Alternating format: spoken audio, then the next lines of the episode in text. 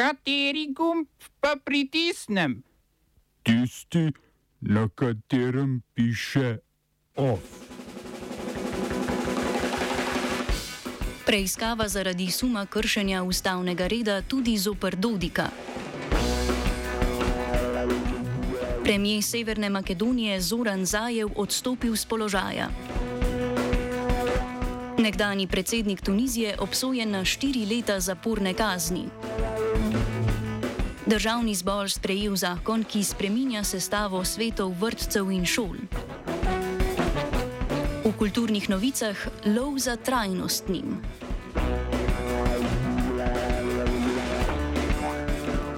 Državno toživstvo Bosne in Hercegovine je uvedlo preiskavo zoper 13 oseb zaradi suma kršenja ustavnega reda v državi.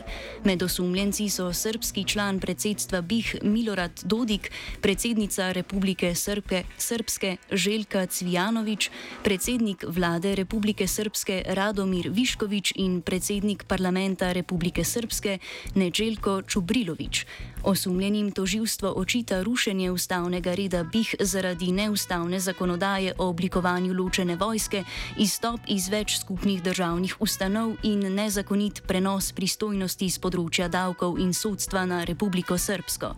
Dodik se je na preiskavo odzval v svojem značilnem stilu.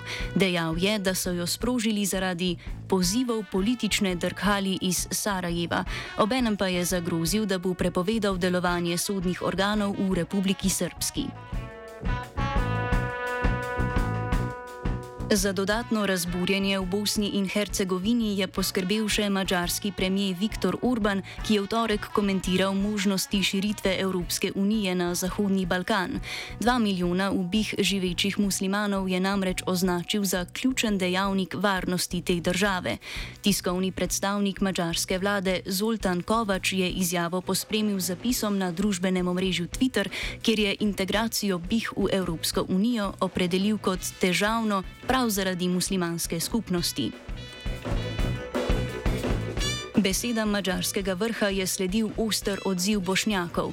Nekatere bošnjaške stranke so pozvale k odpovedi Urbanovega urada, uradnega obiska Sarajeva v januarju, veliki mufti Husein Kavazovič pa jih je označil za ksenofobne in rasistične.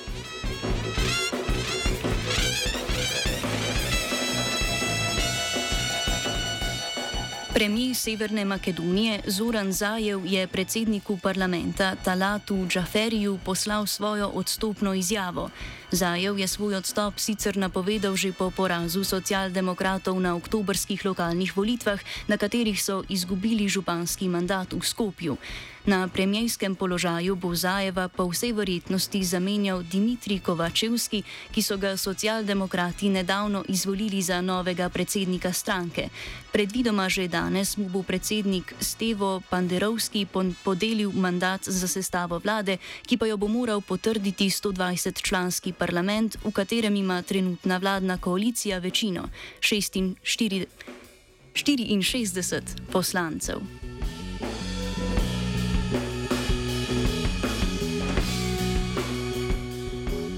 Hrvaško ustavno sodišče je potrdilo ustavnost COVID-nih potrdil in zavrnilo predlog o presoji pooblastil štaba civilne zaščite in obveznega testiranja za zaposlene v zdravstvu in socialni oskrbi. Predsednik Hrvaškega ustavnega sodišča Miroslav Šeparovič je dejal, da odločitev za upeljavo COVID-nih potrdil ni neustavna, saj ščitijo najbolj ogrožene. Sodišče je povdarilo, da štab civilne zaščite deluje pod neposrednim nadzorom vlade, ki je je v okviru ustave dolžna odgovarjati parlamentu. Naloga štaba je, da na podlagi dognanj znanstvene stroke usnuje ukrepe, ki niso preveč restriktivni in obenem varujejo javno zdravje. V skladu z ustavo pa. Ustavo pa je po mnenju ustavnega sodišča tudi dvakrat tedensko testiranje, ki je obvezno za vse zdravstvene in socialne delavce. Razsodbo je pozdravil tudi hrvaški premijer Andrej Plenković, ki je povdaril, da odločitve vlade in štaba civilne zaščite temelijo na zakonih v želji po čim hitrejši zajezitvi epidemije. Zahtevo o presoji ustavnosti so vložili sindikati zaposlenih v javnem sektorju.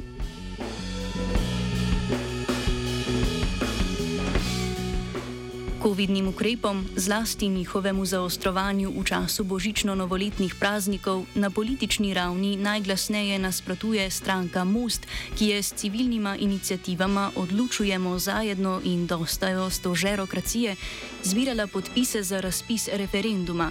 Na današnji tiskovni konferenci so sporočili, da so zbrali dovoljšno število podpisov in sicer 400 tisoč od potrebnih skoraj 369 tisoč. Predsednik Mosta Božo Petrov je napovedal, da jih bodo v sabor predložili 24. januarja, o dopustnosti referenduma o covidnih ukrepih pa se bo takrat najbrž izreklo tudi ustavno sodišče.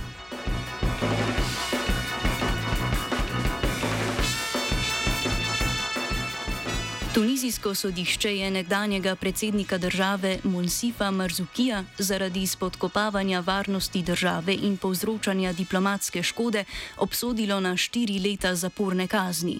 Marzuki obsodbo zavrača, čež da je ta nezakonita, izrečena pa je bila v imenu predsednika Kaisa Sajeda, ki je razpustil parlament in skuša spremeniti ustavo.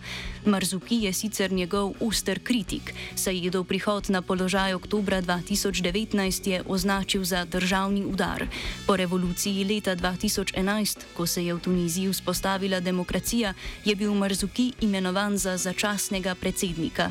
Njegova glavna vloga je bila, da bdi nad pisanjem nove ustave, ki je začela veljati leta 2014. To ni Marzukijevo prvo srečanje z obtožbami. Pred arabsko pomladjo v obdobju vladanja predsednika Habibija Burgibija so mu sodili kar sedemkrat, za časa predsednika Zajna El Abdin Ben Alija pa je bil obsojen na 11 mesecev izgnanstva. Oba, če, če bom odgovoril na angliški. Slovenija will try to help. We can Slovenija will and we will do our utmost To say that the situation is our problem ourselves. and uh, We will make further steps as soon as the conditions are bomo vlado Marjana Cererja, Mira, Marjana Cererja Šarca podprli. uh, very, very serious. we know how and we will. Državni zbor je s 46 glasovi za in 42 proti sprejel novelo zakona o organizaciji in financiranju vzgoje in izobraževanja. Nova ureditev predvidom, predvideva spremembo sestave šolskih svetov in vrtcev, katerih naloga je imenovanje ravnateljev. Po prejšnji ureditvi so bili šolski sveti sestavljeni iz treh predstavnikov ustanoviteljev zavoda, petih predstavnikov zaposlenih in treh predstavnikov staršev. Nova ureditev bo predstavništvo zaposlenih okrnila na tri predstavnike. Po mnenju stroke gre za premik k vse večji politizaciji vodstva šol in vrtcev, o kateri je z nami spregovoril profesor pedagoške fakultete Marjan Šimec. Eh, To je izrazito škodljiva sprememba. Ruši avtonomijo šolskega prostora, eh, ki je odlikovala sl- slovensko šolstvo. Odpira vrata vdoru dnevnega politikanstva v šole. Gre za nadaljevanje politike rušenja družbenih si- podsistemov, ki dobro delujejo. Končni cilj je brško ne politično nastavljati ravnatelje. Kot v zdaj že res davni preteklosti, bodo ravnatelji verjetno za izvolitev spet potrebovali partijsko izkaznico. Poslanci koalicije ustavnega loka so se odločili za obstrukcijo današnje seje odbora za finance o desetem protikoronskem paketu. Vodja odbora Robert Polnar je priznal, da tri četrt dopolnil v PKP-10 ni v skladu s poslovnikom. Poslanci so tik po obstrukciji organizirali tiskovno konferenco, na kateri je o neustreznosti amantmajev spregovorila poslanka LMŠ Andreja Zabret. Zato, ker je predsednik odbora za finance prvič v zgodovini Slovenije priznal, da je 75 odstotkov amandmajev vloženih od koalicije nedopustnih, neprimernih in v nobeni povezavi s COVID krize, kar naj bi bili pravzaprav namenjeni PKP-ji. In tudi zato, ker ima predsednik odbora za finance dvojna merila. Namreč je v preteklosti pri sprejemanju PKP-jev zavračal amandmaje opozicije kot nedopustne, je danes dal prosto pot koaliciji, da si izglasuje karkoli si želi. Predlog novega interventnega zakona za zajezitev posledic COVID-19 sicer predvideva finančno pomoč v višini 300 evrov za upokojence z nizko pokojnino, kmete, vojne veterane in invalide. Zakon predvideva tudi dvig najvišjega plačilnega razreda za zdravnike in zobozdravnike, kar bi pomenilo skok iz 57. v 63. plačilni razred. To pomeni za kar četrtino višjo plačo. Dodatno pa bi nova uredba uskladila določene evropske direktive z področja DDV-ja z domačo zakonodajo.